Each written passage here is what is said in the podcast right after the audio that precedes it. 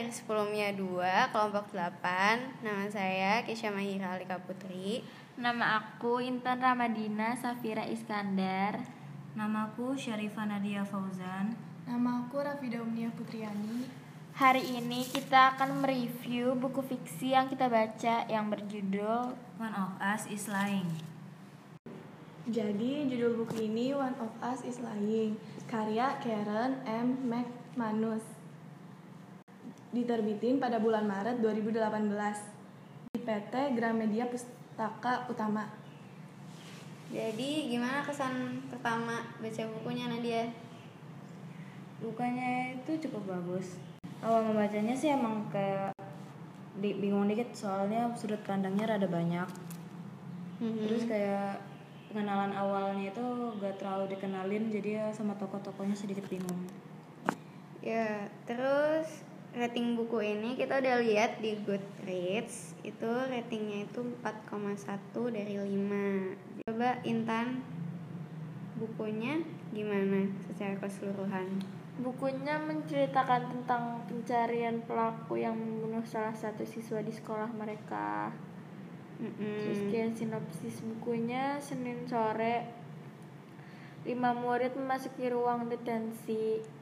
Tapi sebelum detensi berakhir, Simon tewas. Menurut para penyidik, kematiannya disengaja. Mereka berempat dicurigai dan semuanya punya rahasia terpendam.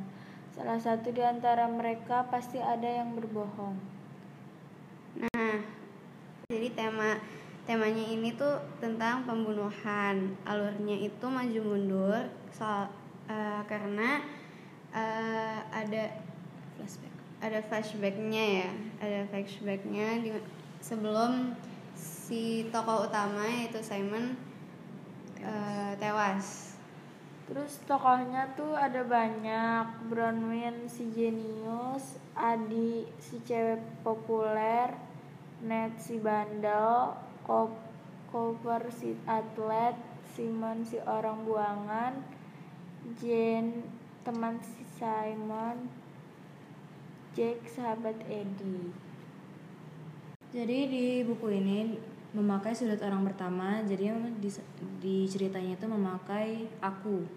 Terus Latarnya gimana? latarnya itu ada di sekolah mereka, juga ada kayak di rumah masing-masing. Gaya bahasanya lebih ke sehari-hari apa gimana tuh? Ya sehari-hari kayak semi baku gitu, ada yang baku, ada juga yang bisa digunakan untuk sehari-hari. Terus amanatnya itu siapa pun bisa berbohong, setiap orang juga pasti punya kesalahan masing-masing. Ya. Jadi kalau misalnya dilihat dari kelebihan bukunya gimana? Eh, ceritanya tuh di buku ini tuh dijelasinnya tuh secara rinci gitu.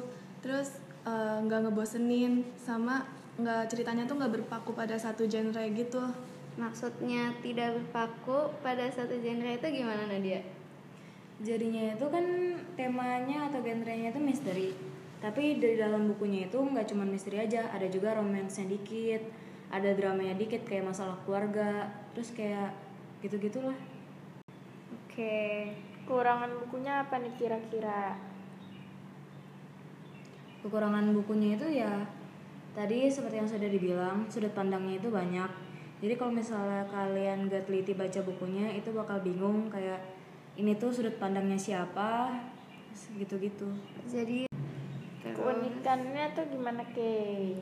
Jadi hal yang unik dari buku ini itu karena banyaknya sudut pandang cerita. Jadi ceritanya tuh jadi lebih menarik dan kita bisa eh, pembaca tuh bisa menjudge sendiri gitu loh gimana eh, karakternya masing-masing dan apa yang terjadi sama mereka masing-masing. Terus em, di buku ini juga ada eh, WTF moment. WTF moment tuh ya? Itu. WTF moment tuh Si jadi sahabat tokoh utamanya itu ternyata orang yang membantu Simon bunuh diri gitu. ya itu cukup kayak "Hah, kenapa kayak Plot twistnya bikin kaget. ternyata selama ini Cie. Quotes buat bukunya apa nih? Jadi eh, quotes yang bisa kita ambil dari buku ini adalah jangan mudah percaya dengan orang lain. mungkin itu aja yang bisa kami ceritakan tentang buku ini. Sekian, Terima terima, kasih. kasih.